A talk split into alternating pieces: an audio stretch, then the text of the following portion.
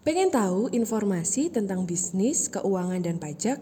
Dengerin terus di Cash, The Consulting Podcast, agar kamu selalu update informasi seputar bisnis, keuangan, dan pajak.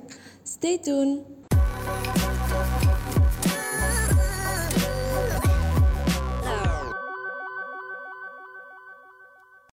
Hari ini kita akan live ya bersama dengan Coach Tom. Ya teman-teman kalau lihat sering lihat Coach Tom ya di YouTube-nya beliau selalu ngomong soal salam pencerahan. Dan hari ini kita akan ngobrol juga guys tentang jurus jitu bisnis berkembang di masa pandemi ya. Yang tentunya kita akan hari ini akan belajar dengan Coach Tom ya terkait dengan bagaimana sih jurus itu untuk bisnis bisa berkembang di masa pandemi. Teman-teman kalau lihat beliau sering sekali memaparkan uh, teknik-teknik uh, uh, bisnis ya teknik-teknik uh, keuangan ya dan juga beliau juga sampai sering saya juga lihat di uh, YouTube-nya beliau ngomong soal sedekah dan macam-macam dan very very insightful guys. Dan hari ini kita akan ngobrol langsung dengan beliau ya seorang yang juga, juga saya kagumin ya, Coach Tom ya, di mana kita hari ini akan membahas soal jurus jitu bisnis ya berkembang di masa pandemi ya. Oke, tanpa berlama-lama saya akan undang Coach Tom untuk masuk ke podium ya supaya kita bisa langsung ngobrol ya. Oke, okay, hari ini kita mau ngobrol-ngobrol soal coach nih coach hari ini soal apa? Boleh, boleh. Ini ya. Uh, kan kita buat topik hari ini tentang jurus itu bisnis berkembang ya, uh, terutama di masa pandemi. Yakin dan percaya teman-teman yang hari ini nonton gitu ya, uh, juga uh, banyak juga yang mungkin pengen tahu nih coach, kan kondisinya pandemi dan kawan-kawan gitu ya, uh, bagaimana kita bisa menyikapinya kondisi pandeminya. Nah, tapi sebelum kami nyampe ke sana coach gitu ya, sebelum kami ngomong soal ya. jurusnya gitu ya. Kami biasanya senang sekali coach kalau kami bisa mendengar gitu ya. Enggak uh, tahu sudah atau belum cuma ya, kalau di, di, di apa namanya di YouTube-nya coach kan banyak ngasih tips bisnis gitu ya. Nah, mungkin saya hmm. kita pengen ngulik-ngulik nih coach. Mungkin kisah boleh, boleh. dari coach Tom nih sampai sehebat sekarang ini kisahnya seperti apa coach kalau boleh diceritakan coach. ya, kalau kisah saya, background saya lima tahun itu uh, job pekerjaan pertama saya itu profesional di airlines. Hmm. Di, oh, okay. di airlines lima tahun. Lalu kemudian saya beralih mulai dari nol lagi di biro perjalanan. Kira-kira 11 tahun lah di biro perjalanan. Uh, dalam perjalanan di biro perjalanan itu sebetulnya yang menurut saya yang banyak uh, banyak pembelajaran dan dan pembelajaran-pembelajaran itu kita uh, saya berikan banyak contoh-contoh untuk untuk uh, teman-teman ya UKM termasuk klien-klien saya. Jadi mereka juga bisa belajar dari pengalaman pahit kita saat mengembangkan bisnis. Nah, karena waktu itu saya masih karyawan, kelebihannya adalah uh, saya dikasih tanggung jawab dan dikasih wewenang untuk mencapai target dan diberi kebebasan untuk melakukan banyak strategi. Hmm. Uh, karena karena kebebasan kebebasan itulah saya melakukan banyak sekali strategi, ratusan strategi. Kalau ada ada apa namanya uh, list strategi, kalau saya buat list total itu Misalnya untuk people development kita sudah melakukan bisa jadi 60 sampai 70 strategi. Untuk hmm. operasional mungkin 80 sampai 90. Marketing itu 140 market 140 strategi marketing. Uh, hmm. Keuangan bisa jadi 40 sampai 50 strategi keuangan. Dan hmm. targetnya adalah untuk uh, transformasi. Karena waktu itu saya di biro perjalanan dari omset cuma ya kecil banget sampai triliunan uh, dari yang bukan apa-apa sampai IPO dari bukan apa-apa sampai franchise bahkan setelah saya keluar saya masih mengcoach uh, biro perjalanan itu sampai bisa ngembangin uh, bisnis franchise-nya. Jadi uh, saya dapat banyak sekali pembelajaran justru pada saat saya masih jadi uh, karyawan. Nah, 2006 saya pergi ke Amerika mengambil franchise dari US, uh, eh, franchise business coaching dari US ke Indonesia dan 2006 itulah saya memulai bisnis yang saat itu tidak populer. Tidak ada yang kenal, yang namanya pun asing, kemudian um, tidak terlalu uh, menarik karena konsultan lebih ter, lebih menarik daripada coaching. Hmm. Karena konsultan Hmm. itu kan menyelesaikan masalah real, ya, menyelesaikan masalah yang real. Coaching itu kan kayak awang-awang ya, kerja cuma nanya-nanya Hmm. doang, gitu. Lalu kemudian uh, bu- tidak ada background pengusaha, bukan Bob Sadino, gitu kan? Wah, ini bukan Bob Sadino, bukan konglomerat, bukan apa, ngapain mengcoach saya seorang pengusaha yang sudah puluhan tahun gitu. Nah itu apalagi Hmm. waktu itu eh, relatif usia usia saya masih masih muda gitu ya. Dan eh, ya di situ kita nggak berhenti. Segala sesuatu yang eh, ada tantangannya berarti ada rewardnya. Hmm. Kalau ada tantangannya pasti ada rewardnya. Nah di situ saya fight sampai eh, dalam ya dalam empat bulanan saya memulai bisnis coaching eh, memecahkan rekor dunia untuk Hmm. eh, omset terbesar sepanjang rookie coach. Jadi anak baru nih. Saya mencetak omset terbesar sepanjang sejarah bisnis coaching di dunia. Tahu-tahu masuk top 100 coach. Eh, 2009 masuk nomor 6. Eh, lalu kemudian ya di situ kita eh, di saya diminta untuk menjadi eh, chief operating officer eh, di Indonesia gitu dan Hmm. membawahi eh, menjadi coaches coach Asia Pasifik. Jadi pelatih Hmm. bisnisnya pelatih bisnis di Australia, Indonesia, eh, Singapura, Malaysia dan ya Indonesia dan Indonesia. Gitu. Jadi kita mengcoach oh, coaches-coaches baru lah yang ya gitu. Ya saya juga Hmm. nggak merasa hebat-hebat amat. Ya cuma modalnya kerja keras aja. Sama merasa bodoh Hmm. nggak boleh ngerasa pinter. Hmm. Justru kalau ngerasa pinter kita nggak bisa berkembang. Yes, yes, yes, yes, yes. Jadi 2009 itu sudah sampai masuk ke number six ya, coach ya. Se sedunia ya, coach ya. Maksudnya yang Dunia, ter dunia. 10 besar gitu ya untuk sedunia. Keren, Betul, keren, betul. keren, keren. Dan itu sampai diarahkan untuk mengcoach eh, apa coach-coach yang sampai dari Australia, sampai dari Malaysia dan kawan-kawan itu juga coach Tom yang lakukan. Wow, keren, keren, keren. Itu tapi sudah, maksudnya waktu itu sudah menggunakan eh, bendera dari coach sendiri atau masih menggunakan Enggak, bendera lain? masih bendera ber- bendera franchise. Oh, bendera 2009 franchise ya. itu saya Hmm. Mem- membuat bendera sendiri 2009. Hmm. Jadi Top Coach Oh, Indonesia itu lahir 2009 tahun itu. 2009. Ya, Hmm. brandnya.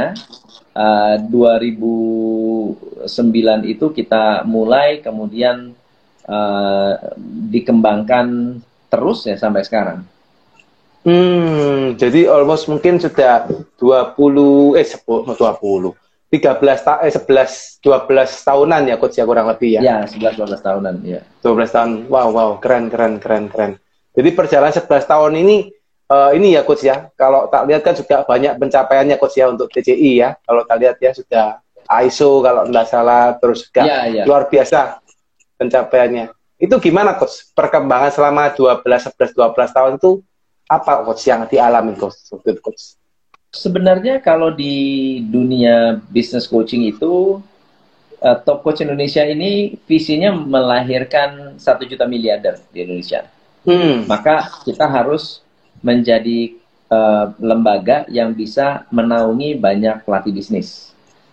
Eh, Hmm. Kita sudah mensertify lebih dari 150 pelatih bisnis. Makanya kita ini masuk kalau di Indonesia largest coaching firm di Indonesia. Kalau seluruh Wow.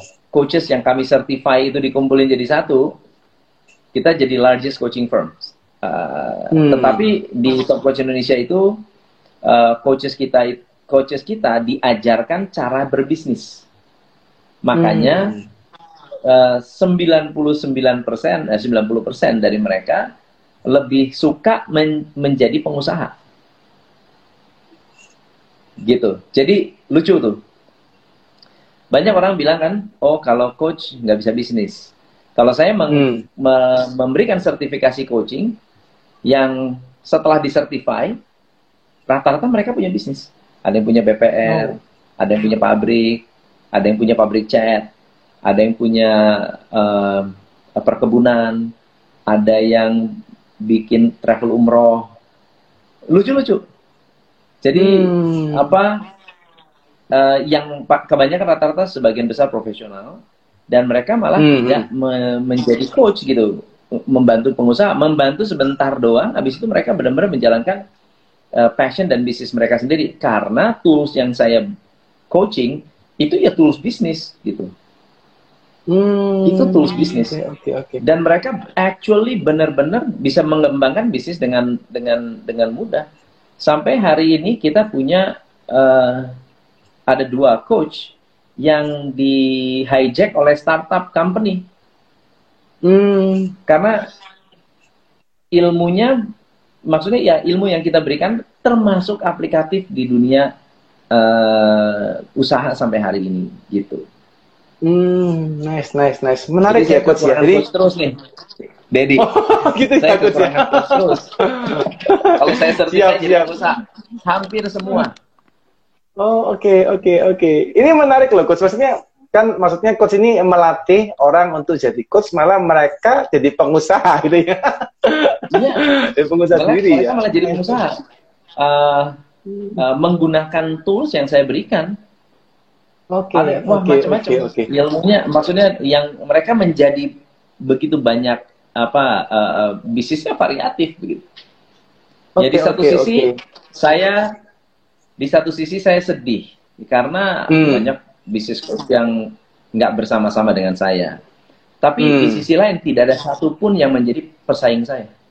Nggak ada satupun. Oh. Wih, Kalau dari kebanyakan- 150 itu enggak ada yang menjadi coach juga Tidak ya? ada ya? satu pun. ada.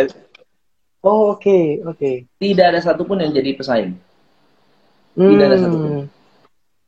Oke, oke. Jadi oke, menarik ya, oke. Iya, iya, iya. menarik kan? iya. Iya, iya. Kalau kebanyakan kan gini, ngikut coaching firm, keluar bikin Mm-mm. coaching firm lain. Karena ilmunya Iya, cuma itu. benar. Yes, yes, yes. Dia ngambil ilmu dari siapa, lalu keluar bikin coaching firm. Ya karena ilmunya cuma itu. Nah kalau saya Hmm. menarik, mereka bahkan ya kita tidak ada, eh, saya tidak, mem, mem- meng- ya kita ada yang namanya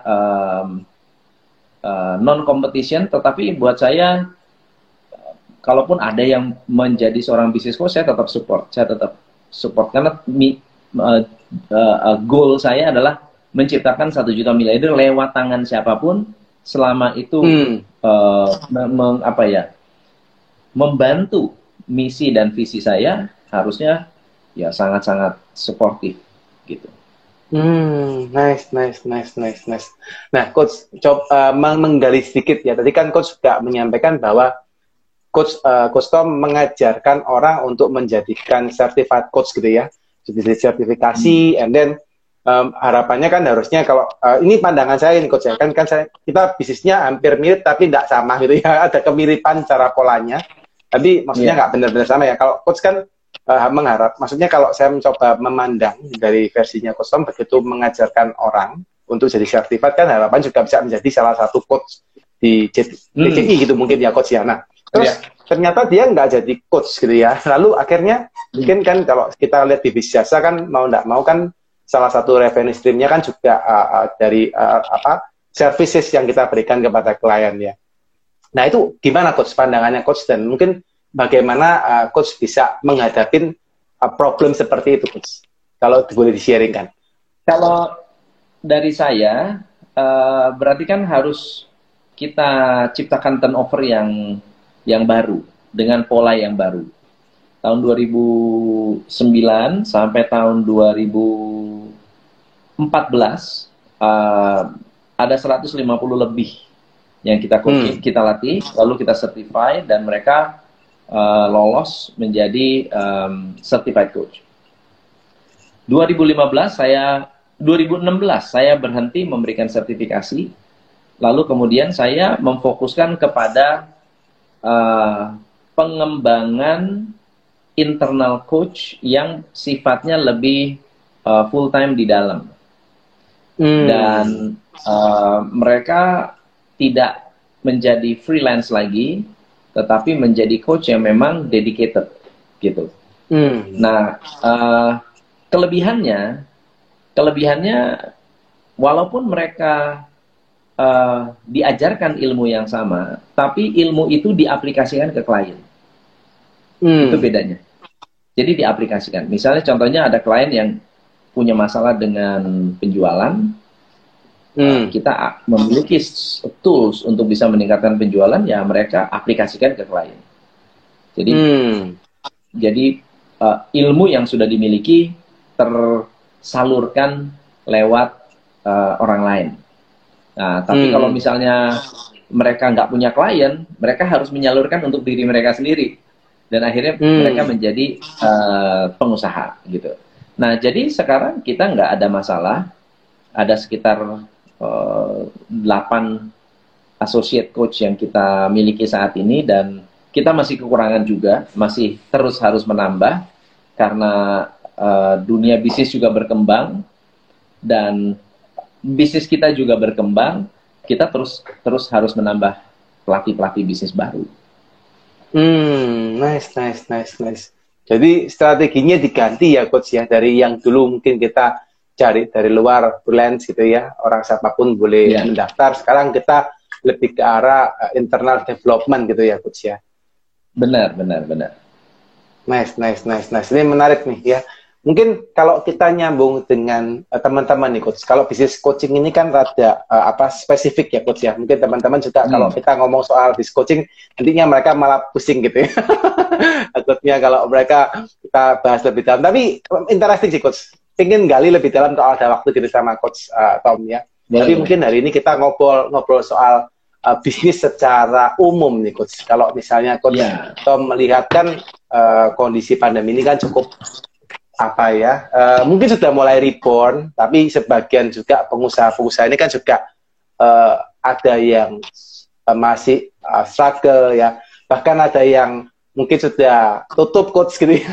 ada beberapa bisnisnya saya lihat juga banyak, sudah tutup banyak. gitu. Saya juga lihat teman-teman saya ada beberapa yang juga sudah tutup benar-benar tutup. Nah ini kalau uh, coach Tom melihat fenomena seperti ini gimana coach menurut coach Tom gitu kalau saya melihat ini memang seleksi alam. Pandemi hmm. ini hanya mempercepat apa pun yang kita sudah lakukan di masa lalu. Hanya mempercepat hmm. aja. Kalau kita melakukan banyak kesalahan di masa lalu, uh, pandemi mempercepat semua konsekuensinya. Hmm. Kalau misalnya kita melakukan kesalahan, misalnya terlalu banyak utang bank dan tidak hmm. bisa bayar, ya semuanya serba tidak teratur, tidak tertata. Uh, pandemi ini mempercepat kehancurannya.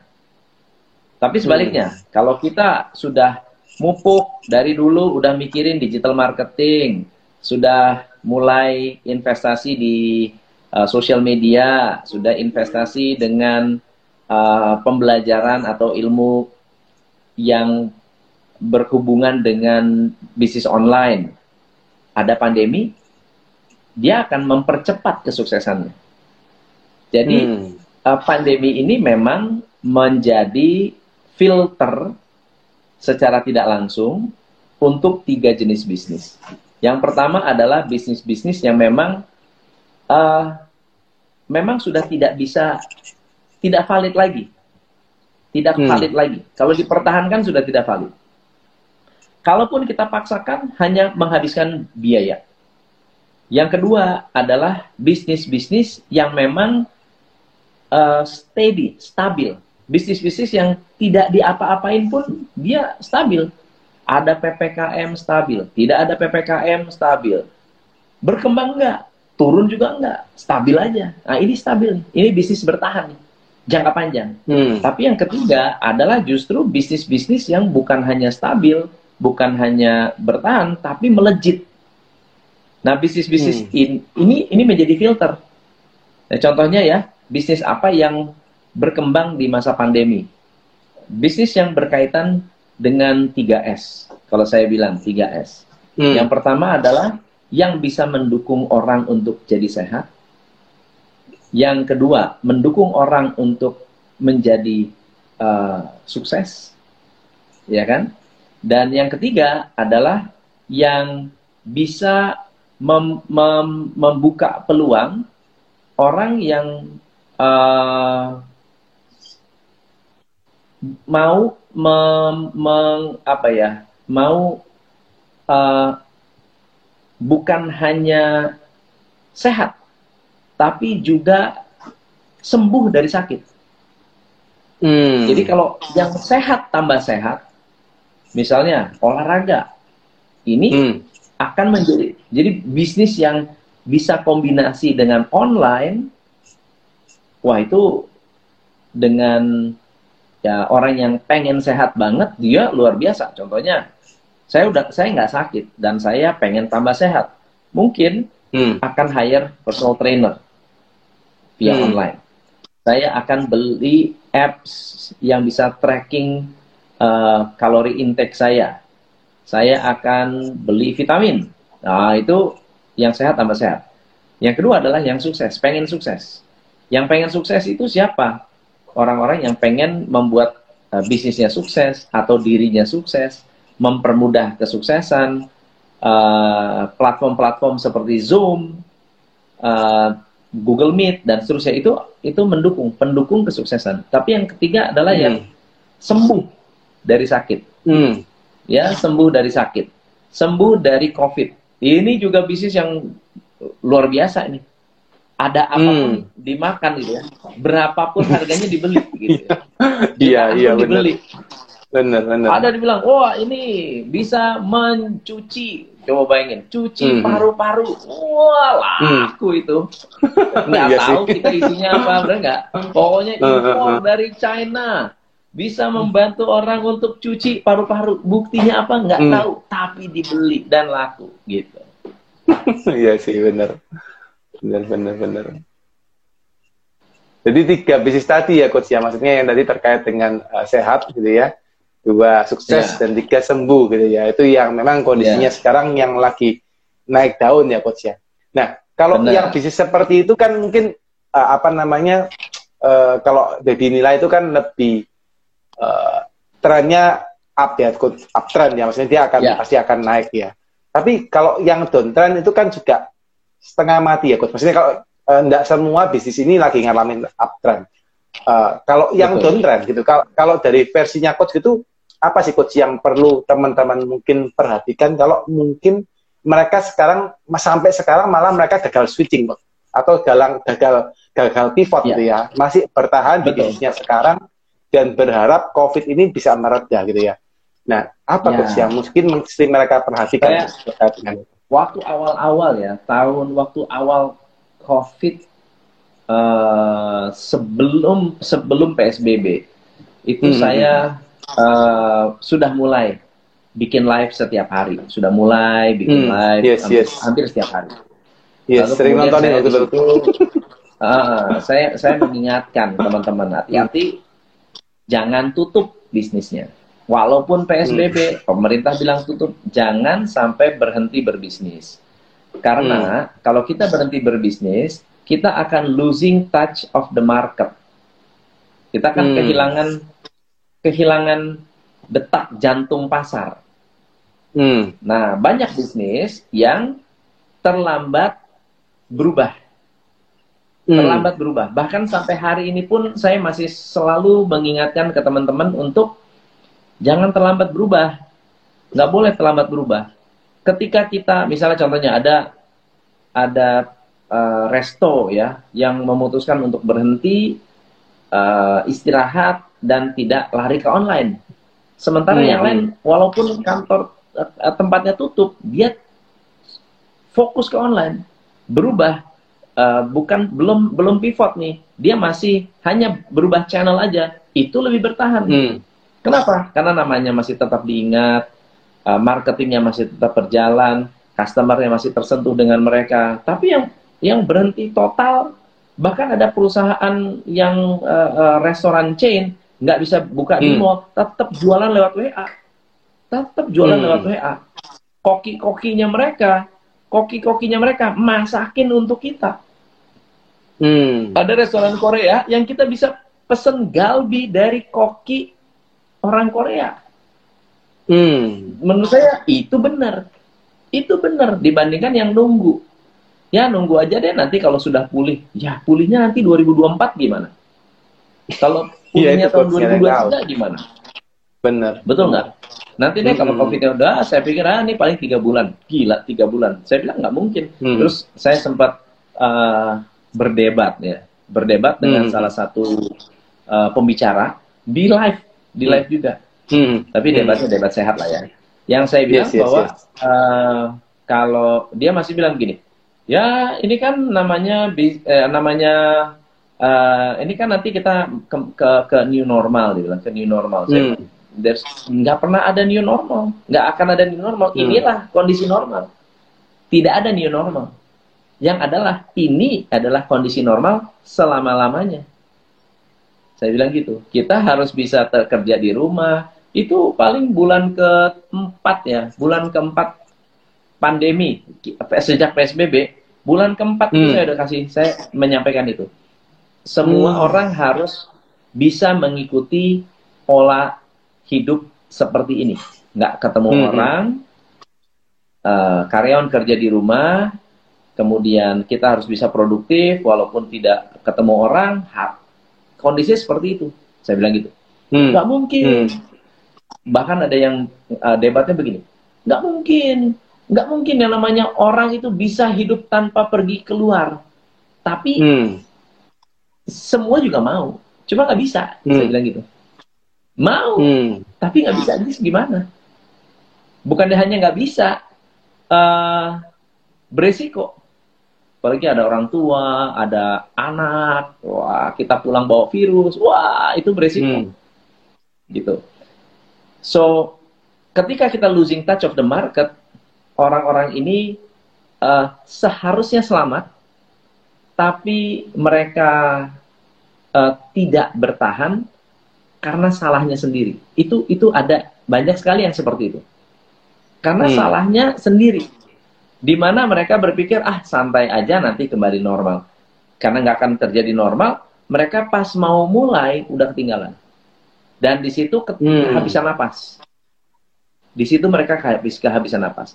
Lalu gimana caranya untuk mengembalikan itu? Kalau saya, eh, nah oh ya, by the way, selama PSBB, selama pandemi ini dulu kemarin-kemarin saya hampir setiap saya buka line, saya buka jalur eh, bantuan. Siapa yang mau diskusi dengan saya, jadi teman eh, teman curhat untuk ngomongin bisnisnya supaya dapat insight atau dapat idea, dapat strategi. Karena saya juga cari informasi.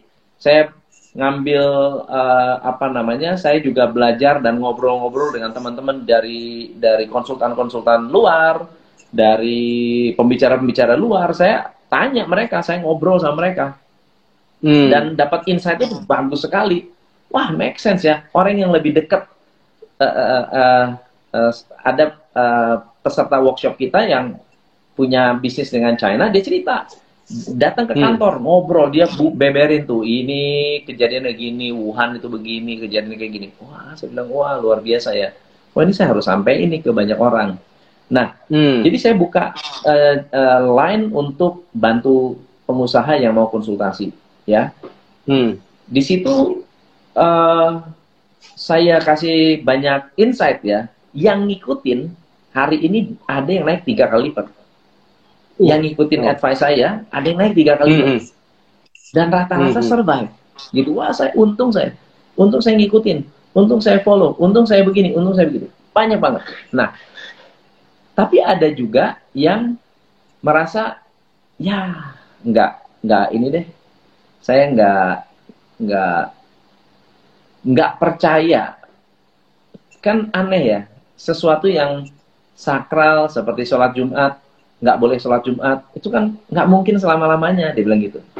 Ya udah nggak apa-apa percaya aja. Nah ketika ada yang sampai terpuruk banget saran saya adalah melakukan restart. Tahun lalu eh tahun ini adalah tahun restart sebenarnya. Makanya temanya kita bisnis restart. Restart itu begini. Hmm. ibarat komputer ya walaupun bisnisnya masih sama tetapi kita benahi buang-buang semua file-file yang jelek. Hmm. kita restart komputer kita supaya dikembalikan ke ko- kondisi semula dulu. Dikembalikan di sehatnya dulu. Kalau bisnis itu dienolin dulu. Hmm. Dinolin dulu aja deh. saya pernah bahas tuh di live the power of zero. The power of zero. Itu, itu uh, kalau orang mau mau berubah di nolin dulu coba kembali ke nol. Tata kembali keuangannya tata kembali uh, karyawannya tata semua.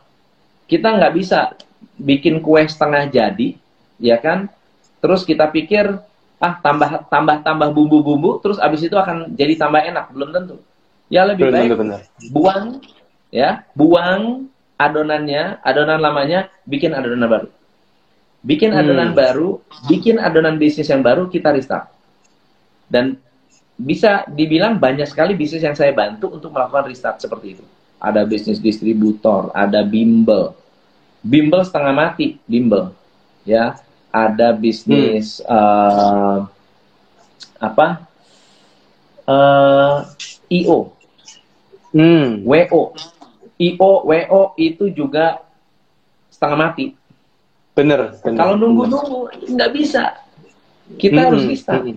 mampunya berapa lihat kondisi customer saya contoh ya ada salah satu wedding organizer yang saya hmm. coaching lalu kemudian dia bilang gini, wah coach, gue nggak bisa gini caranya. Kenapa? Karena customer-customer kita, uh, kita nggak bisa, semua penawaran kita 100% ditolak. Hmm. Semua penawaran kita 100% ditolak. Terus kemudian saya tanya, uh, siapa yang paling tahu market kamu? Siapa yang paling mengerti market? Ya saya lah, yang benar kamu tahu market kamu, yakin lu tahu paling tahu market. Dia bilang, iya gue yang paling tahu. Sa saya bilang salah, persepsi itu udah salah. Kenapa? Hmm. Yang paling tahu market adalah marketnya sendiri. Benar. Yang paling tahu market adalah marketnya sendiri. Sekarang pertanyaannya di pertanyaan saya pertanyaan pertanyaan yang sederhana. Apakah gara-gara COVID orang menikah itu berhenti menikah? Hmm. Berhenti nggak menikah? Harusnya enggak. Kalau Enggak, kita bilang, oh berhenti menikah, berarti bisnis lu ganti, langsung ganti. Benar. Hmm. Nggak ada poinnya dong dipertahankan, betul nggak ya? Hmm. hmm, hmm. Oh nggak kok. Kemungkinan sih masih ada. Udah ngobrol dengan orang yang mau nikah nggak? Saya tanya. Ya mereka rata-rata bilang nunda, nunda, nunda. Oke. Di mana orang yang real nikah, bukan yang nunda. Jangan ngomong ngomong yang nunda dong. Itu bukan market kita. Kita mau ngomong sama orang yang nikah. Di mana? Ya di KUA, di gereja, hmm. ya di wihara. Lu minta daftar orang yang mau nikah. Yang pasti nikah dan ada tanggalnya. Tongkrongin tuh. Ajak ngobrol. Kamu pestanya gimana? Ajak ngobrol dong. Setiap hari juga ada yang nikah. Saya bilang gitu. Di KUA tiap hari ada yang nikah. Pertanyaannya, lu pernah nanya nggak sama mereka? Mereka itu nikahnya gimana, pestanya gimana, budgetnya berapa, gila coach, hmm. gua kagak masuk aku, gua nggak nggak masuk di mas nggak maksudnya nggak kebayang, nggak kepikiran harus begitu. Hmm. Ya. Itu itu gunanya itu gunanya coaching. Itu bener, coaching sebenarnya. Bener. Ya. Nah dia lakukan, dia jalanin. Ternyata hmm.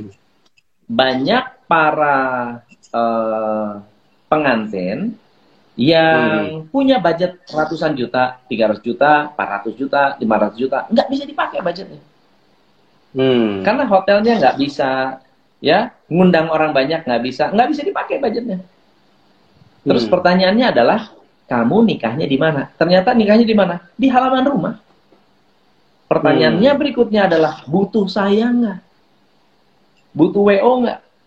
Ya butuh lah, kalau lu bisa ngikutin budget gua kan, Betul nggak? Nggak perlu bener, 300 bener. juta di belakang rumah. Bisa nggak? Hmm. Ah, banyak yang nggak mau. Banyak yang nggak mau. Saya bilang, kalau lu ambil dan lu start dari nol, anggap lu bangun bisnis baru dari nol namanya nikah dari rumah.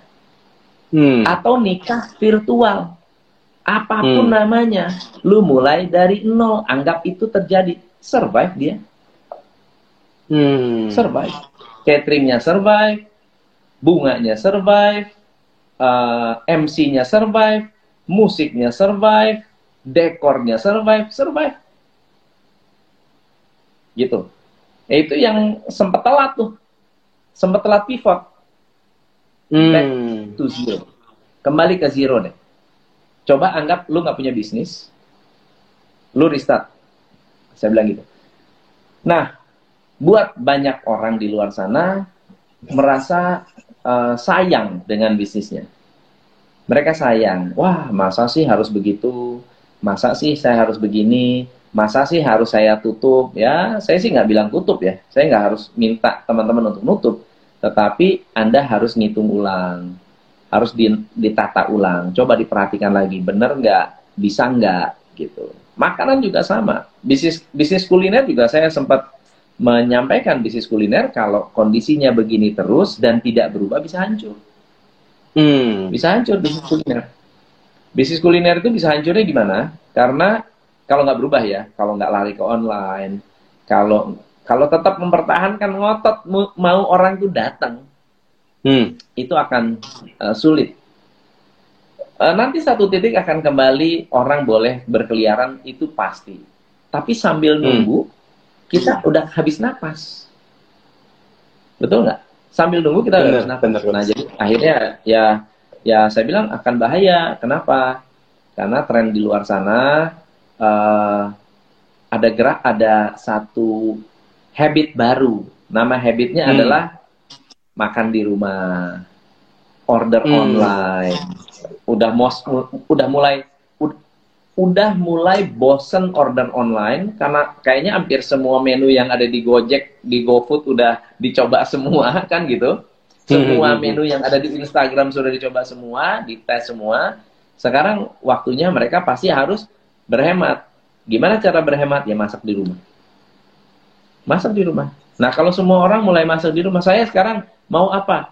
Mau bikin ayam pek camke ya bikin sendiri. Mau Hmm. eh, belado padang ya bikin sendiri. Bikin aja semua sendiri. Gitu. Jadi eh, eh, nyari resep dari internet ya, nyari resep dari Hmm. itu saya masak. Tuh udah selesai. Mak rasanya ya enak juga, nikmat juga gitu. Yes, yes, yes, yes, yes. Menarik, menarik, menarik. Ini, ini, ini satu hal yang luar biasa ya, coach ya, bahwa pemikiran restart dari nol ini yang memang tidak banyak pengusaha mikirin, coach. Karena mungkin Ya. sebagian dari mereka masih ketanggungan dengan beban atau dengan ibarat ibaratnya momotan gitu, coach ya. Kalau sudah terlanjur kapalnya kegedean, mereka mau restart dari nol, momotan sudah banyak, akhirnya mereka bakal tidak sempat mikir ke sono, coach yang sempat dipikir Betul. mungkin bisa ngurang-ngurangin kos gitu ya atau mereka cari omset tambahan Benar. ya. Tapi how about coach? Misalnya kayak tadi ya, aku ceritain soal WO tadi ya, Eh, yang di- dia pivot dari yang nggarap misalnya wedding besar dengan omset yang mungkin bisa ratusan juta, and then dia harus ganti ke eh, apa namanya eh, wedding yang di belakang taman tuh di taman belakang gitu ya, dengan mungkin omset Iya. yang kan lebih kecil. Nah, bagaimana dengan mungkin eh, momotan-momotannya sudah ada di belakangnya ketika dia harus start dari nol? kan gini saya kalau workshop satu satu workshop Hmm. eh, audiensnya itu rata-rata bayar 4 juta 5 juta Hmm. sekali datang Hmm, hmm. Hmm, betul ya untuk satu hari Nah. atau satu hari atau dua hari eh, workshop benar nggak ya hmm, hmm. Hmm, hmm. sama nggak dengan dengan eh, wo di mana saya juga nggak bisa ketemu orang ya kan Hmm, nggak bisa Hmm. bikin offline event benar nggak sama aja kan hmm, So, kalau misalnya WO, dia nggak bisa manage um, 300 juta event satu malam, berarti dia harus uh, 30 juta event 10 buah. hmm. Hmm, hmm, hmm. Nggak ada Oh. bedanya. Oke, oke. Nggak ada bedanya. Terus saya tanya, kalau kamu me- memang ada berapa banyak event yang kamu bisa handle dalam satu malam untuk satu event wedding? Ya satu.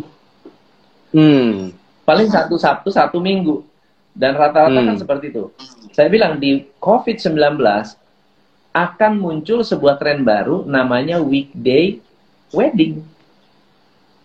hmm, Weekday wedding. nggak membutuhkan nunggu Sabtu atau Minggu. Orang semuanya work from home. Ya nggak ada yang datang juga. Mau hari Hmm. apa pun boleh, ya kan? Hmm, Apalagi di hmm. rumah sendiri. Oke. Hmm. Terus kalau misalnya lu kalau kamu weekday event berapa banyak yang kamu bisa handle? Kalau weekend kan cuma satu. Dalam tujuh Benar. hari itu cuma satu, satu weekend. Benar. Kalau weekdays kan ada Hmm. lima. Mm-mm. Jadi mungkin nggak kamu replace itu? Masuk akal ya bisa. Hmm. Sama aja. Sama aja gitu. Ini ini kembali kepada masalah eh, bagaimana kita bisa merestart dan melakukan eh, terobosan-terobosan yang mungkin orang nggak pikirin. Nah kemarin Hmm. waktu itu saya juga sempat waktu belum ada virtual event, maksudnya virtual virtual exhibition nggak ada tuh. Saya ada salah satu teman saya yang eh, teman lama lah, yang bikin eh, franchise expo. Expo kan nggak Hmm. bisa. Terus terus saya tanya, kenapa nggak lu bikin eh, virtual expo? Wah mana bisa? Nah itu masalahnya. Begitu kita bilang mana bisa, berarti lu udah sudah losing opportunity. Sama seperti Hmm. kalau lu bilang, kalau gua bilang, eh nanti orang nggak boleh ke gereja, mana bisa? Ternyata kejadian kan? Hmm. Nah, Hmm. orang yang tadi bilang mana bisa, satu tahun kemudian ada sebuah website yang melayani virtual event, virtual wedding, virtual exhibition, virtual graduation, virtual uh, uh, trade show, virtual meet and virtual gathering, ada virtual. Hmm. Saya bilang nih, lu lihat nih, ini bisa virtual. Oh, bener ya. Coba gua ikut ngomong omongan lu dari dulu. Saya bilang ya, udah telat, Iya, udah iya. telat. Startnya sudah ketinggalan ya coach ya. Mau nggak mau akhirnya sudah banyak yang lakukan juga akhirnya. Benar. Makanya ka- saya selalu bilang kan bahwa ya COVID ini kesempatan. Hmm. Tapi Hmm, kesempatan hmm, buat hmm. siapa? Kesempatan buat orang yang memang niat untuk melakukan eh, perubahan. Yang niat, yang mau Hmm. melakukan transformasi atau perubahan. Kalau nggak niat, Hmm, hmm, hmm. nggak mau berubah ya nggak nggak nggak ada poinnya. Gitu. Oke, oke, oke, oke, oke. Nice, nice, nice, nice. nice. Oke, Coach Tom, ingin menggali lebih dalam nih Coach, kalau diizinkan gitu ya. Coach Tom kan sering Iya, iya. uh, mengajarkan kan soal transformasi bisnis ya. Kapan tadi saya juga sempat ikut beberapa, uh, satu atau dua eventnya Coach yang mungkin beberapa bulan yang lalu, kalau tidak salah, saya ikut waktu itu. Masa? Serius? Ikut Coach. Serius, masuk di Wow. WA, di Zoom. dengerin Oh. coach, tapi tidak muncul muka. Saya waktu itu lagi sambil ngapain, terus saya dengerin. Gitu. Terus, apa namanya, Saya harus belajar sama Dedi nih sistemasi ini. Nggak, nggak, nggak, nggak, nggak. Harus belajar sama custom ini. Jauh lah sama sama custom. nah, apa nyambung yang masalah bisnis sih, coach? Maksudnya mentransformasi Ya. bisnis gitu ya. Nah, mungkin kalau dari sisinya custom selama menjadi bisnis coach lebih dari 10 tahun ya, udah mungkin kan uh, Ya. dari awal alhamdulillah dari awal kan tambah lebih lama lagi gitu ya. Nah, Hmm, apa sih hmm. coach? Maksudnya kalau dari sisinya coach itu menurut coach yang paling susah untuk mentransform bisnis itu di sisi mananya coach? Kalau boleh di-sharing dari versinya Oke. coach. Aspek dari transformasi bisnis itu ada lima aspeknya ya. Aspek yang Hmm. pertama adalah dari mentalnya si business owner. Bisnis bisa bertransformasi kalau mental business ownernya berubah Hmm. dari mental pedagang menjadi mental pengusaha. Ya, kalau pedagang itu hanya memikirkan eh, profit. Kalau nggak profit, namanya bukan investasi. Nah, Hmm. pengusaha itu dia ada memikirkan dagangnya, tetapi sebagian pikirannya juga untuk jangka panjang. Hmm. Suatu saat bisa nggak nih bisnis ini nggak jalan sama saya, nggak jalan tan- berjalan tanpa saya, nggak usah ada saya tetap berjalan. Bisa nggak suatu saat bisnis ini, ini contoh pengusaha, bisa nggak suatu saat bisnis ini tanpa iklan tetap ada orang yang beli? Bisa nggak bisnis ini tanpa karyawan tetap bisa beroperasi? Bisa Hmm. nggak bisnis ini uh, tanpa customer, tanpa customer yang datang gitu ya, kita tetap bisa melayani. Itu pikirannya business owner. Nah, kalau pikiran itu belum bisa bertransformasi, maka yang harus bertransformasi adalah pikiran business owner dulu. Yang kedua adalah transformasi keuangan. Transformasi keuangan itu berarti orang ini harus memahami betapa uh, pentingnya memiliki eh, angka-angka uh, yang dianalisa, memiliki informasi uh, keputusan yang didasari oleh laporan keuangan. Itu yang kedua. Yang ketiga adalah marketing. Transformasi marketing berapa arti uh, buat seorang uh, business owner? Ya transformasi ini dia memut kita tidak bisa um, hanya berpikir bagaimana cara membuat produk, tapi gimana caranya membuat brand kita nempel di kepala konsumen. Kalau bisa geser uh, geser brand kompetitor kita dari kepala konsumen. Hmm. Itu strategi marketingnya. Kebanyakan dari kita hanya mikirin gimana cara iklan di Facebook. Itu benar. Tapi harus lebih dari itu. Gimana caranya saya posting Instagram? Itu benar. Tapi harusnya bisa lebih dari itu. Hmm. Ya. Yang ketiga adalah mentransformasi tim. Mentransformasi karyawannya, orang-orangnya. Nah, orang-orang ini apa sih? Orang-orang ini uh, merupakan um, alat bantu yang paling ampuh untuk membuat bisnis kita berkembang. Jadi, punya nggak plan untuk uh, membuat mereka pinter? Punya hmm. nggak hmm. tools untuk membuat mereka mudah dalam bekerja? Ini transformasi. Hmm.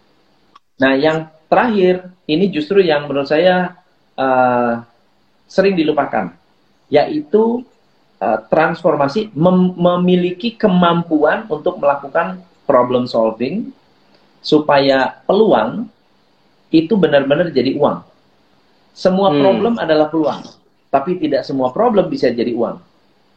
Hmm. Orang yang mengerti problem solving, yang tahu how to solve uh, big problems atau small problems, dia akan membuat yang tadinya masalah itu jadi peluang. Jadi lima hmm. aspek ini, ini harus ditransformasi. Tidak bisa hanya satu. Hanya keuangan aja, nggak bisa. Kalau hmm. kita hanya keuangan aja, wah bagus, udah ada laporan keuangan. Tapi orang yang nggak jalan, orang yang nggak benar, SOP nggak pernah bisa berjalan. Hmm. Orang yang nggak benar, SOP nggak pernah bisa berjalan. Banyak orang yang mencoba ya untuk menggantikan attitude orang dengan SOP. Nggak pernah hmm. dikalah, kalah. Hmm. Kita bikin SOP so rapi-rapinya, berusaha supaya SOP bisa menutupi kompetensi orang. Berat. Tidak mudah. Hmm. Tidak mudah. Atau bahkan digantikan dengan software. Tidak mudah. Orangnya hmm. tetap harus bertransformasi. Hmm. Orangnya tetap harus bertransformasi. Baru SOP-nya bisa jalan. Benar, benar, benar. Ini memang yang sering dialami juga oleh para pengusaha ya coach ya. Maksudnya uh, kondisinya mereka ini kan sering juga yang dialami stucknya itu di people gitu ya. Maksudnya di orang gitu ya. Iya. Di mana mungkin sudah mungkin uh, rekrutmennya udah benar gitu ya, udah ngelakuin development dan kawan-kawan terus misalnya resign gitu ya. Mungkin ya. dari coach sendiri juga ngalamin enggak coach dengan kondisi seperti itu coach? Maksudnya di bisnis klien dan kawan-kawan.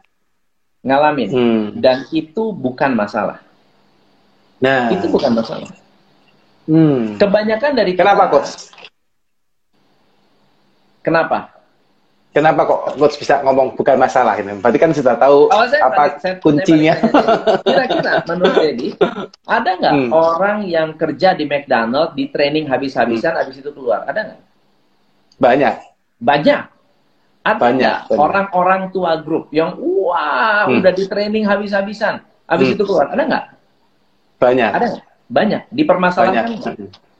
Enggak. Enggak. Itu bedanya. Oh. Mereka tidak mempermasalahkan itu.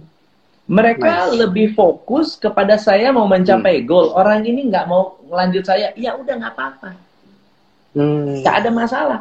Cari orang baru, tidak Hmm. dipermasalahkan. Kebanyakan dari kita UKM baru ngasih training satu kali, ya, baru kasih pelatihan satu dua kali, berpikir bahwa pelatihan itu akan merubah hidup karyawan tersebut, lalu kemudian kalau karyawan itu keluar akan jadi konglomerat seketika hanya karena gara-gara satu training.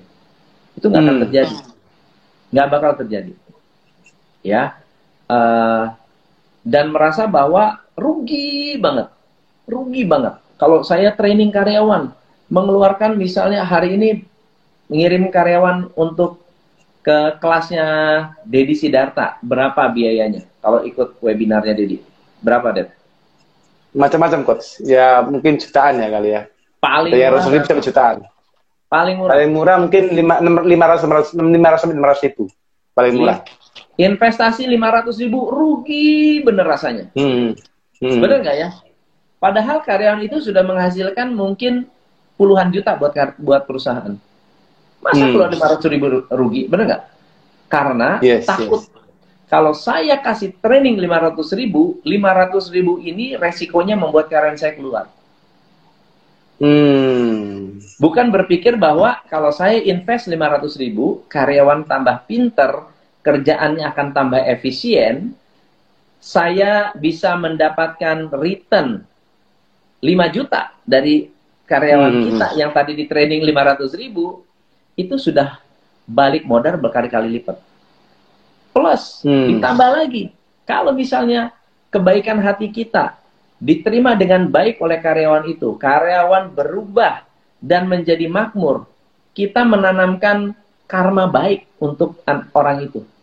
Karma itu Hmm. tidak akan pergi, nggak akan lari. Karma Hmm. baik itu tidak akan pernah lari dari kita. Jadi kalau saya punya kesempatan melatih karyawan saya 100% keluar, saya akan dapat 1000% balik Hmm. dari karma baik yang saya berikan untuk karyawan saya atas dasar niat baik. Tapi sekarang sebaliknya, kalau atas dasar niat buruk kita menjalankan bisnis, jangan latih karyawan saya. Kalau saya latih dia keluar, niat buruk, karmanya juga buruk. Hmm. Pasti karmanya juga buruk. Begitu.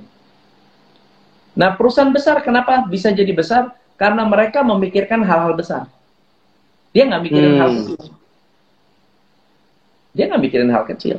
Dia nggak mikir bahwa, oh, si Dodo baru direkrut tiga hari di training, udah ngabisin waktu saya, terus keluar. Berarti saya nggak boleh training lagi. Kan nggak gitu. Hmm. Jangan pernah training orang lagi. Ya, nggak gitu. Dan ada orang yang seperti itu. Malas ah gue training-training, mendingan karyawan yang ada aja. Ya, Hmm. nggak kompeten pun saya pertahankan. Yang penting setia. Bikin kesalahan banyak pun nggak apa-apa. Yang penting setia. Daripada saya Hmm. rekrut orang baru susah. Terus mau rekrut manajer.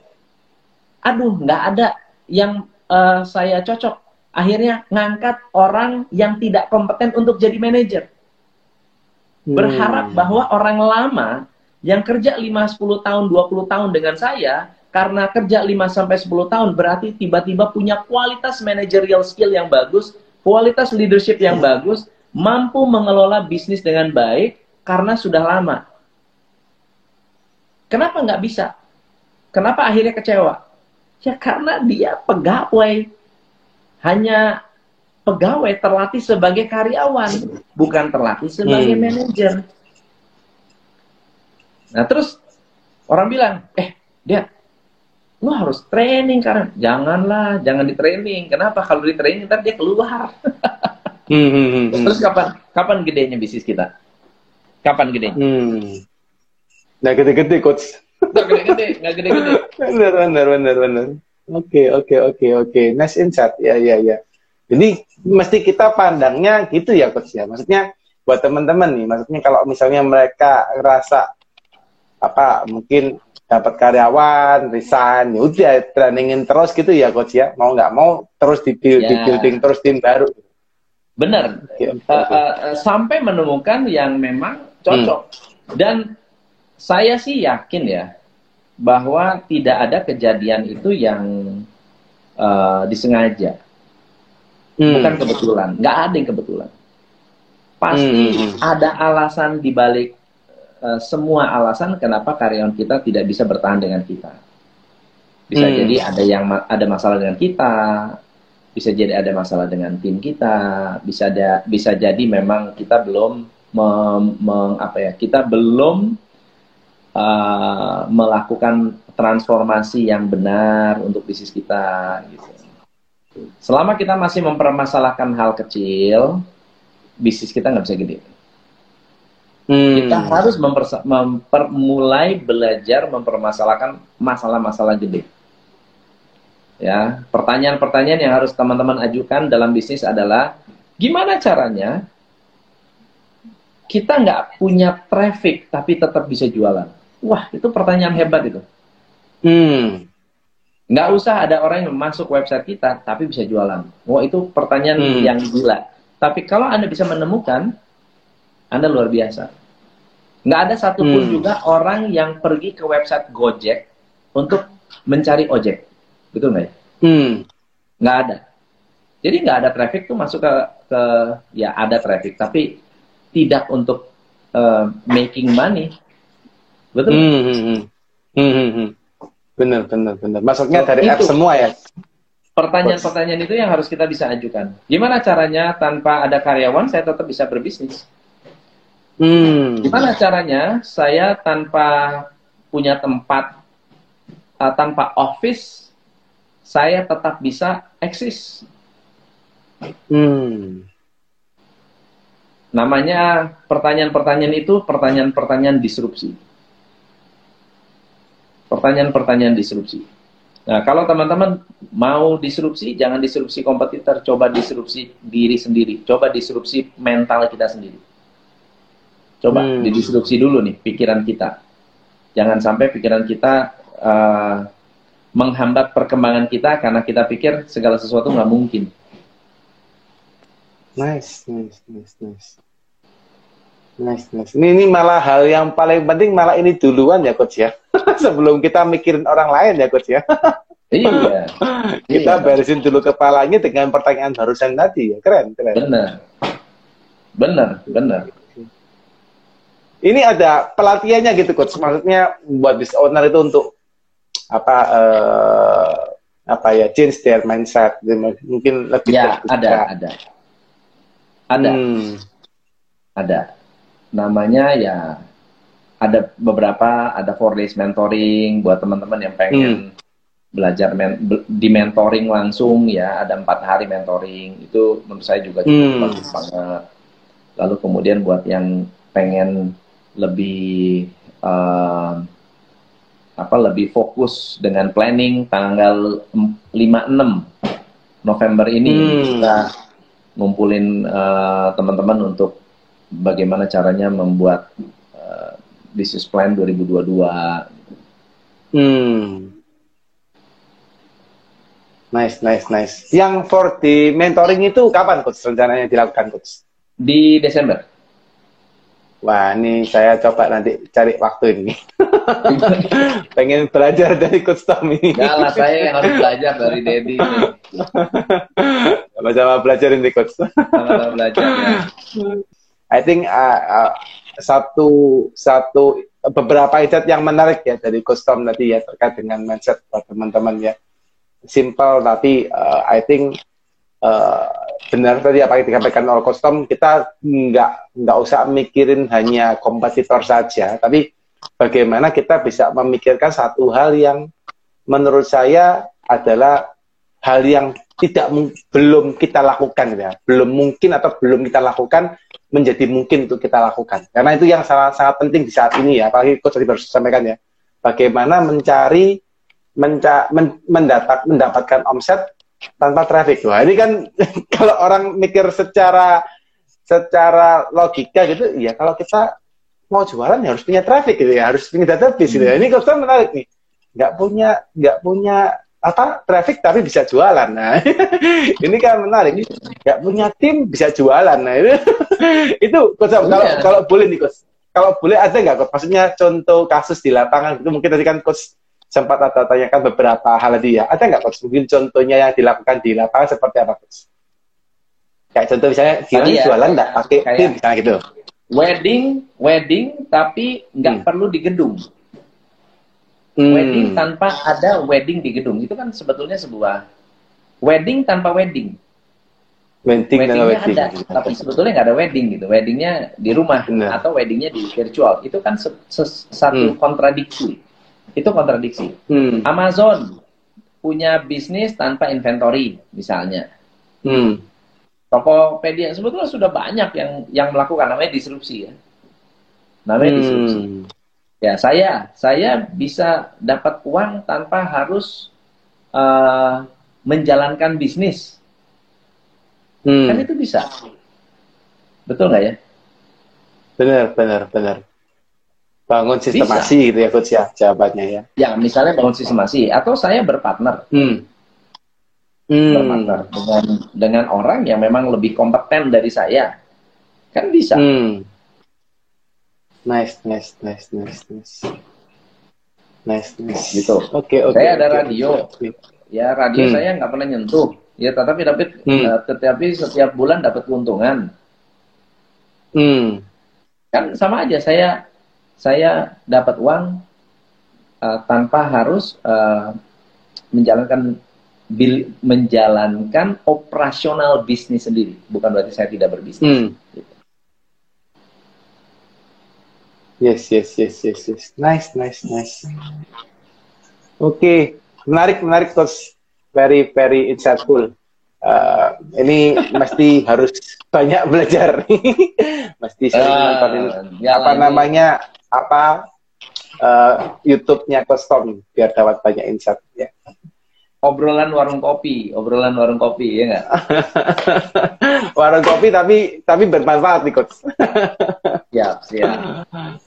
Oke, Coach Tom, kalau mungkin buat teman-teman nih Coach, eh, apa namanya ini apa di saat-saat ini gitu, I, I, I don't know, mungkin mereka ada yang sudah pivot atau mungkin mereka yang yang apa namanya eh, lagi surviving atau mereka yang lagi naik gitu ya. Kira-kira kalau Coach Tom boleh menyampaikan gitu, kira-kira apa sih Coach yang mungkin harus mereka perhatikan gitu ya untuk 2022 atau bahkan 2023 coach kalau dari versinya mungkin pandangannya coach Tom saat ini coach. Ya, begini. Di tahun 2022, 2023, 2024 ini akan terjadi fase-fase yang sedikit berbeda antara satu tahun dengan tahun lainnya. 2022 itu tahunnya akan menjadi tahun yang sangat berat. Karena eh, 2021 adalah tahun yang berat. Tahun Hmm. yang berat. Eh, 2022 semua pengusaha pasti ingin eh, ngambil kue sebesar-besarnya saat ini dibuka. Hmm. ada orang bilang akan ada demand shock, ya. Eh, buat saya demand shock itu bisa bagus bisa enggak. Kalau Hmm. demandnya adalah demandnya kita, demandnya kita miliki produknya. Demand shock is good, betul nggak ya?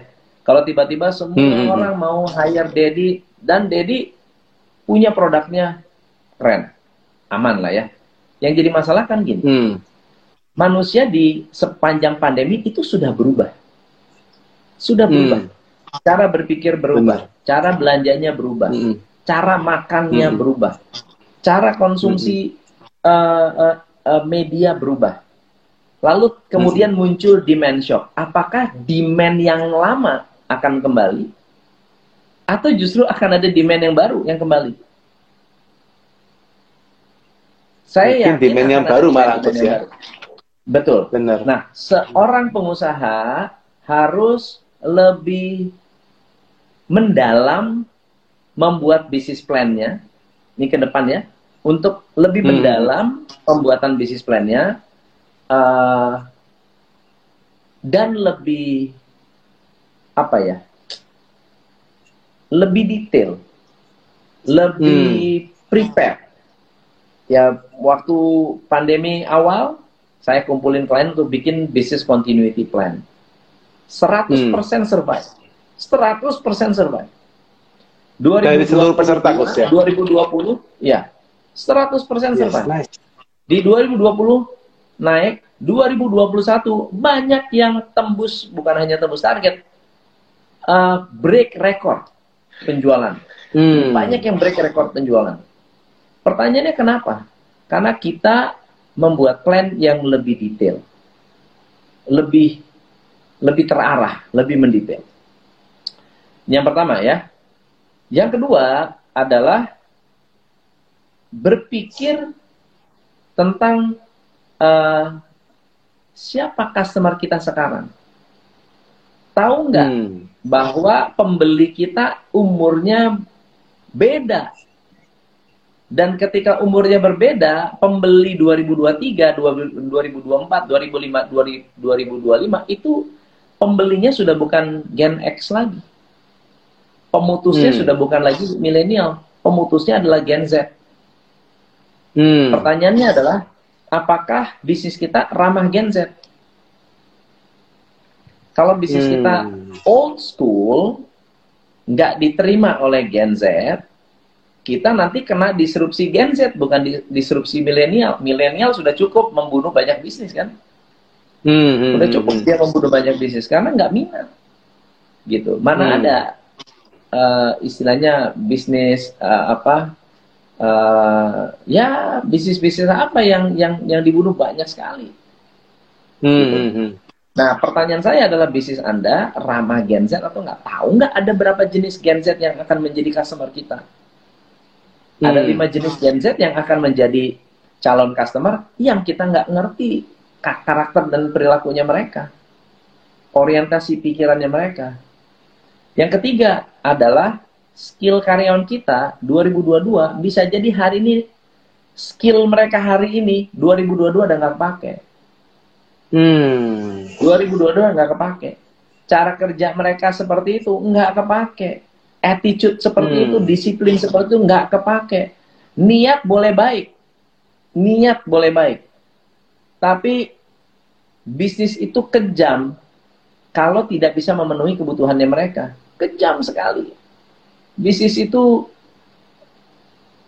apalagi netizen. Netizen itu super kejam. Hmm. Kalau ada bisnis yang nggak memang nggak sehati dengan mereka, mereka bikin satu movement aja cancel culture langsung terjadi.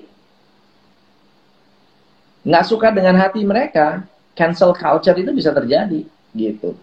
Hmm. Jadi eh, faktor yang ketiga adalah skill karyawan. Makanya kalau di eh, eh, perusahaan-perusahaan besar ya, multinational companies, mereka ada yang namanya reskilling. Reskilling. Hmm. Reskilling itu adalah ilmu atau ada- adalah strategi yang akan mendukung karyawan kita menghadapi masalah baru di bisnis mereka. Reskilling. Hmm. Dan setiap setiap bidang itu reskillingnya berbeda. Reskillingnya berbeda. Gitu ya. Dari sisi karyawan, apakah karyawan kita masih masih relevan ilmunya? Kita, saya Hmm. sekarang eh, tahun ini retraining karyawan kita luar biasa. Melakukan reskilling untuk karyawan kita luar biasa tahun depan saya nggak tahu akan akan bisa kepake apa enggak tapi yang pasti kita persiapan dari sekarang nah banyak bisnis yang Hmm. nggak pernah memikirkan nggak kepikiran nggak kepikiran malah berpikir Hmm. begini oh coach Tom bikin uh, bikin uh, apa namanya uh, materi full year plan ah pasti sama dengan tahun lalu. Itu kan dodol. Nggak mungkin Hmm. sama dong. Bener nggak ya? Masa kita planning tahun lalu disamain dengan planning tahun ini? Nggak sama. Tahun ini pasti nggak sama. beda pasti. Benar. Hmm. pasti beda. Nah yang keempat adalah teknologi. Teknologi akan memainkan peranan yang sangat besar. Actually almost all business harus menjadi teknologi bisnis semua Hmm. bisnis harus menjadi teknologi bisnis Hmm. harus ramah teknologi, harus menggunakan teknologi, harus memperkenalkan teknologi, harus eh, bisa diakses oleh teknologi. 2012 McKinsey itu melakukan Hmm. satu survei mengenai disruptive tek- teknologi, te- teknologi disruption, Hmm. Yang mengatakan Hmm. bahwa eh, dalam lima tahun, ya dalam 10 tahun, dalam 20 tahun, kalau dia menyebutnya tuh eh, 2030. Jadi di 2030 eh, 80% transaksi tidak akan bersentuhan dengan manusia sama sekali.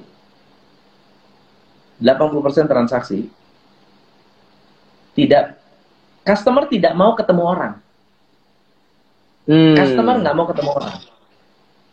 Ya, mau beli apa? Asuransi kayak.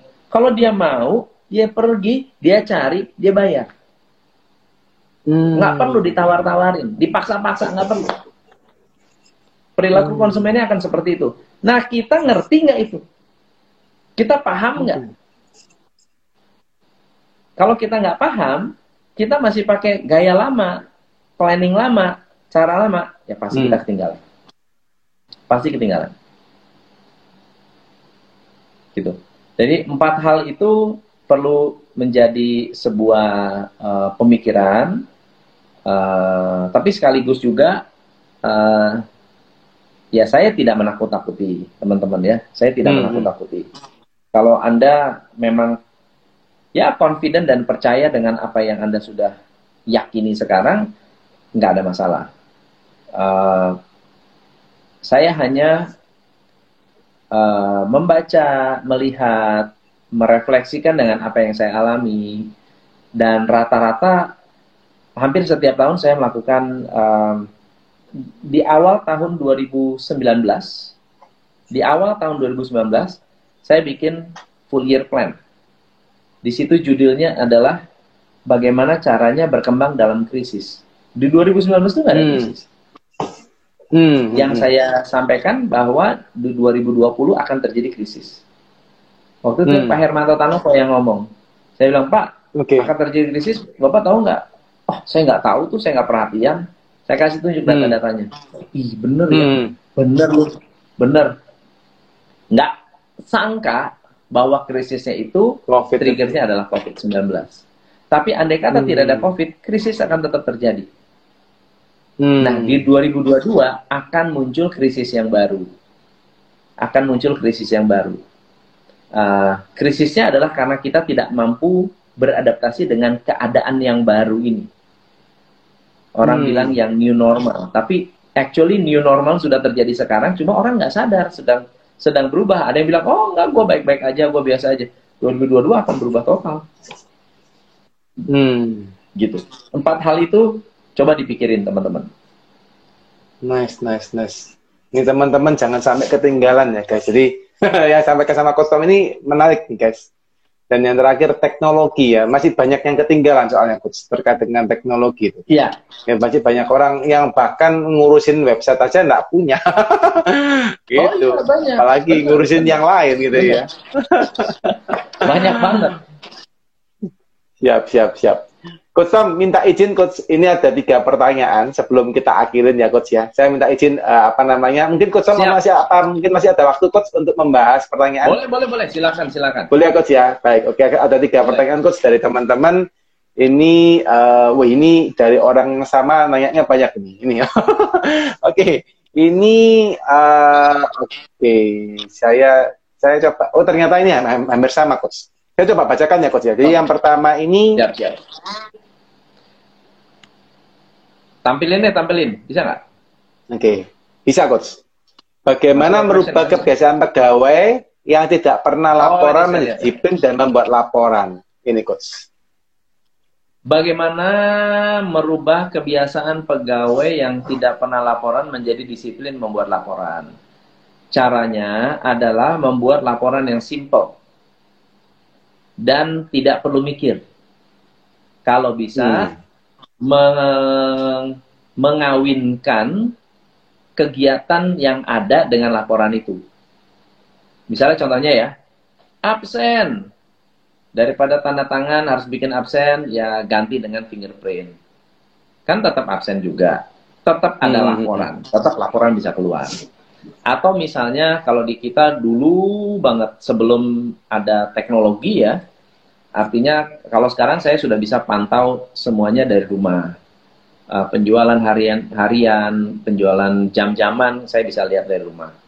Uh, tapi waktu belum ada, mereka mengisi dokumen yang sederhana, cuma turu saja satu, dua, tiga, empat, lima, ya hmm. cuma sederhana sesuatu yang sifatnya sangat simpel sederhana yang anak TK pun bisa mereka hmm. pasti akan bisa melakukannya kebanyakan dari kita meminta orang membuat laporan yang terlalu canggih.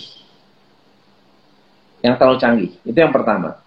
Yang kedua adalah ada banyak orang yang sudah membuat laporan tapi laporan dibuat nggak pernah dibahas. Nggak hmm. pernah dibaca. Nggak pernah direview, nggak buat laporan pun nggak ditegur, nggak buat laporan pun nggak ditegur.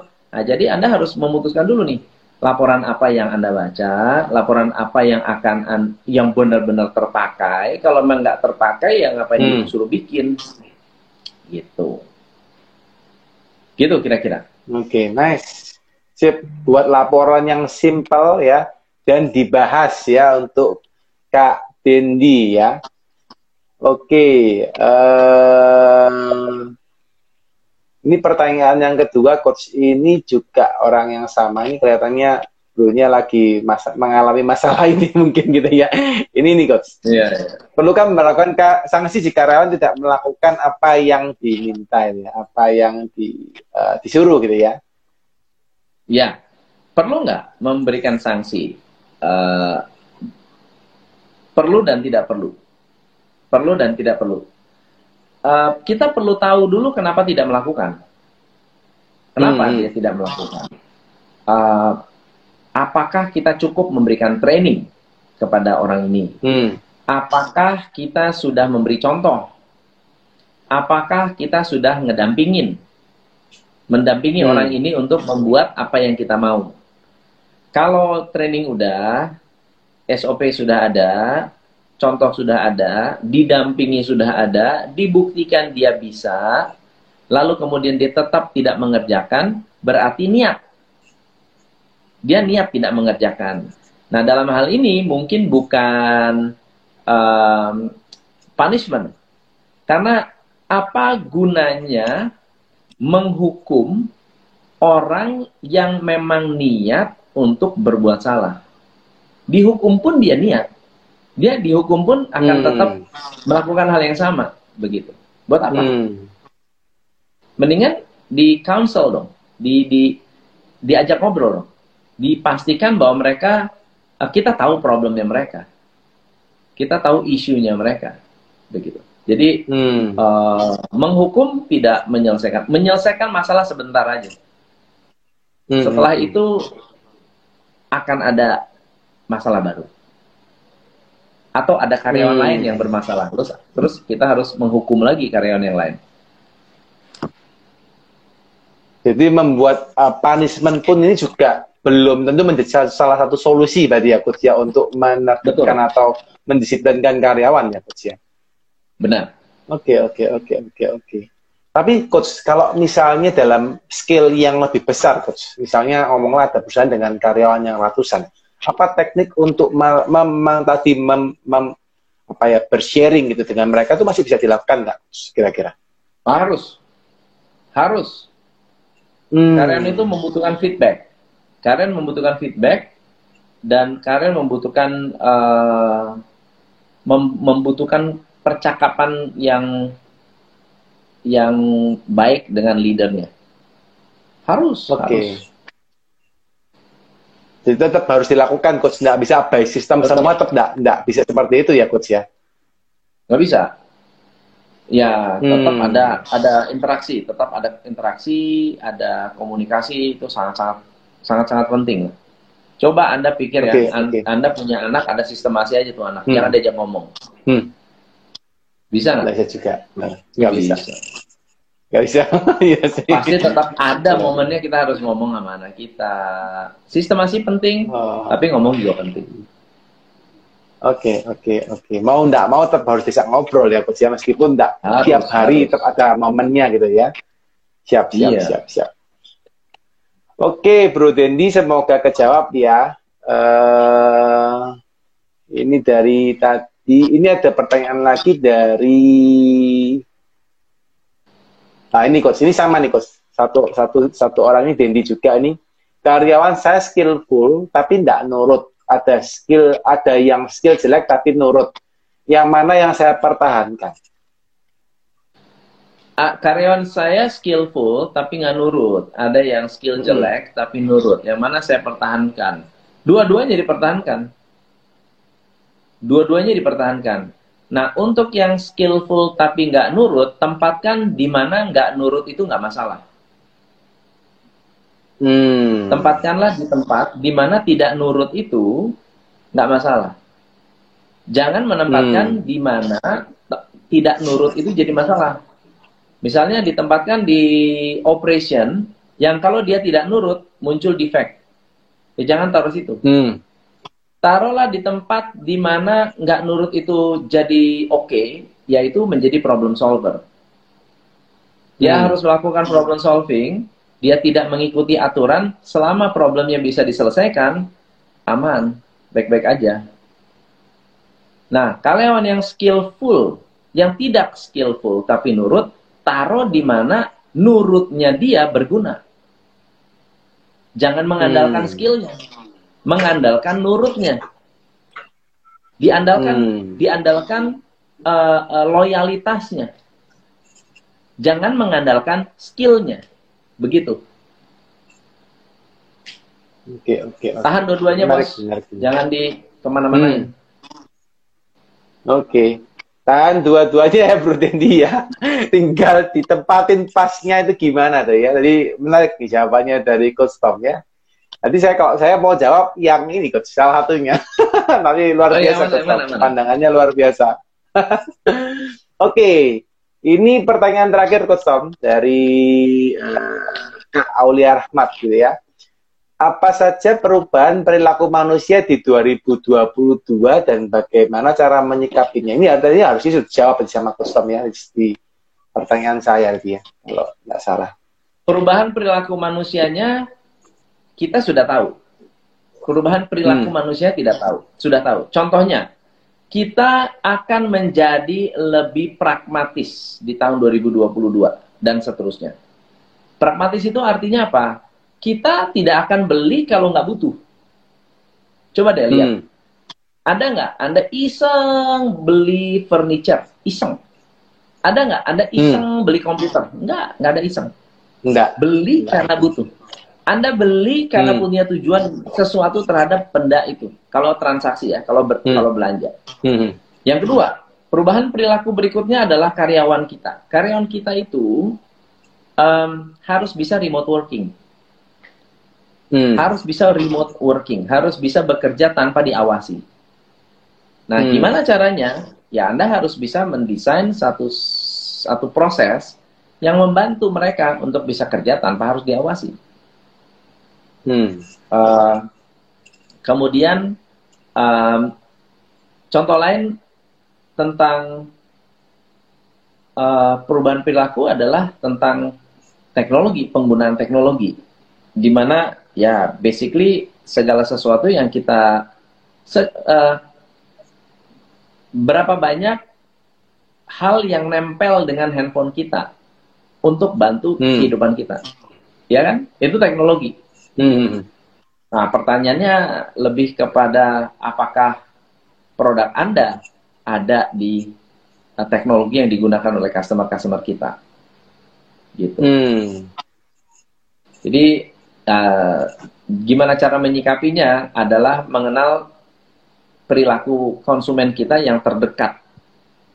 Siapa yang paling Hmm. dekat dengan kita, coba tanya. Apa sih problem mereka? Apa sih perilaku-perilaku yang harus kita uh, kenali dari mereka?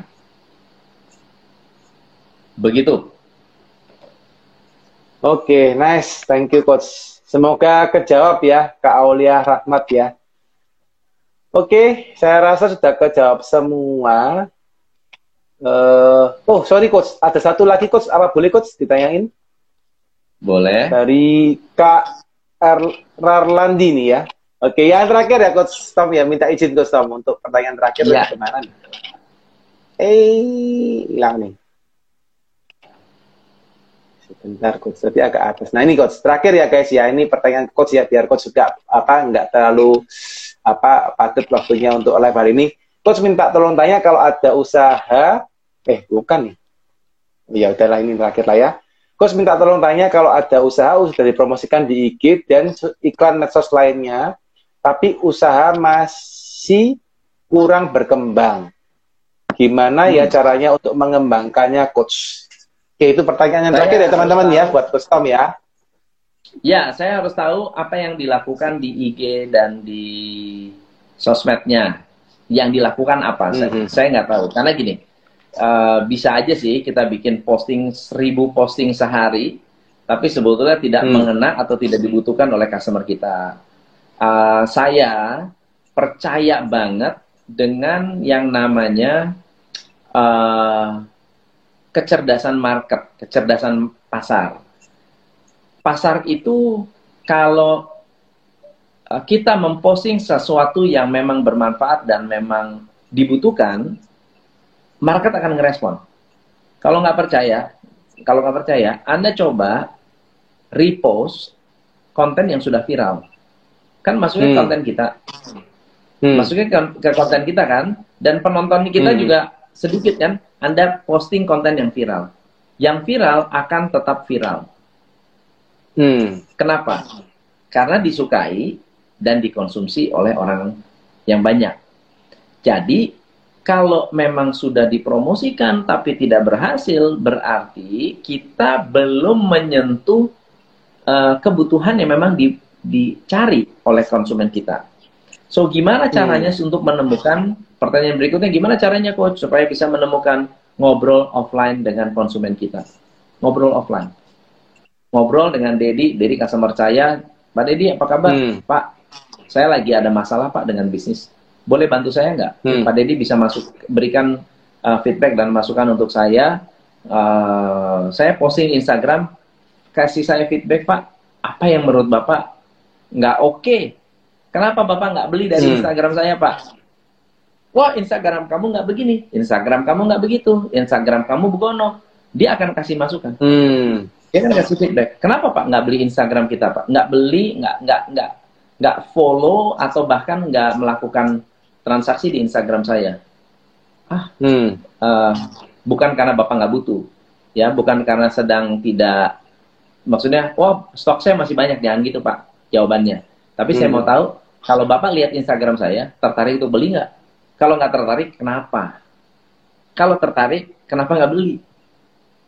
Hmm. Kalau misalnya, oh saya, oh saya baru tahu loh, saya baru tahu, kenapa nggak beli? Ya, karena saya nggak tahu, berarti anda membidik iklan yang salah. Kalau iklan, iklan hmm. membidik ke tempat yang salah. Kalau dia bilang, oh saya nggak nggak gitu tertarik, yang harus dirubah apa? Yang tertarik kayak gimana? Bapak beli produk apa? Bapak beli barangnya siapa? Oh Pak Dedi, saya beli produknya si ABC. Produknya Ipang gitu misalnya. Ini Ipang. Hmm, hmm, hmm. Tuh, produk Ipang saya beli. Instagramnya. Kayak gimana Pak Instagramnya? Kenapa Bapak suka Instagram dia? Tanya. Lalu Anda lakukan hmm. perubahan dan transformasi di Instagram kita sendiri. Nggak ada salahnya bertanya dengan konsumen kita. Jangan tanya ke konsultan, tanya ke customer kita. Hmm. Customer itu bisa memberikan hmm. jawaban yang terbaik. Kalau ke konsultan tanya, hmm. gimana caranya bikin laporan keuangan yang benar? Nah, dia bisa jawab. Customer kita hmm. bisa jawab. Benar, benar, benar. benar. Gitu. Nice. Semoga menjawab. Oke, semoga kejawab ya. Uh, teman-teman tadi saya saya lupa dia naik sampah tuh sudah di atas ya. Tapi anyway, thank you so much coach ya buat teman-teman. I think teman-teman juga pasti mendapatkan very uh, ini ya banyak insight hari ini ya buat teman-teman yang happy untuk sharing hari ini yuk kasih like ya, kasih jempol, kasih like, kasih hati ke coach Tom ya. Say thank you karena hari ini teman-teman ya ini materi yang luar biasa teman-teman ya. Satu insight-insight yang menarik yang bisa kalian pelajarin dan Ini Kostom hari ini thank you so much ya. Hari ini kita undang Kostom dan Kostom masih nyempet-nyempetin untuk hadir guys dan mau sharing dengan kita semua di acara The Ngobis hari ini ya. Oke, sekali lagi thank you so much Coach Tom ya. Buat teman-teman yang belum follow, belum follow Coach Tom ya, langsung follow ya. Yang belum nonton YouTube-nya silakan ditonton. Pasti banyak insight ya. Wes saya juga sudah follow, saya sudah sering nonton apa videonya Kustom sambil nyetir juga ditonton ya. Teman-teman silakan tonton di YouTube-nya di thank you, thank you. apa Instagramnya ya. Thank you so much Kustom uh, sehat-sehat lalu selalu diberkatin dan selalu happy ya Kustom ya. Thank Next you Kustom collab collab juga ya Det ya. Siap siap Kustom nanti aku DM ini ya siapa? Bu siapa sih minta nomornya Kustom ya biar oh, bisa iya, kontakkan. iya, pasti. Siap siap. Siap Siap. Oke, okay. thank you Kosam. bye bye. Thank you semuanya. Bye bye. thank you, thank you. Thank you semuanya. Thank you semuanya. Bye bye.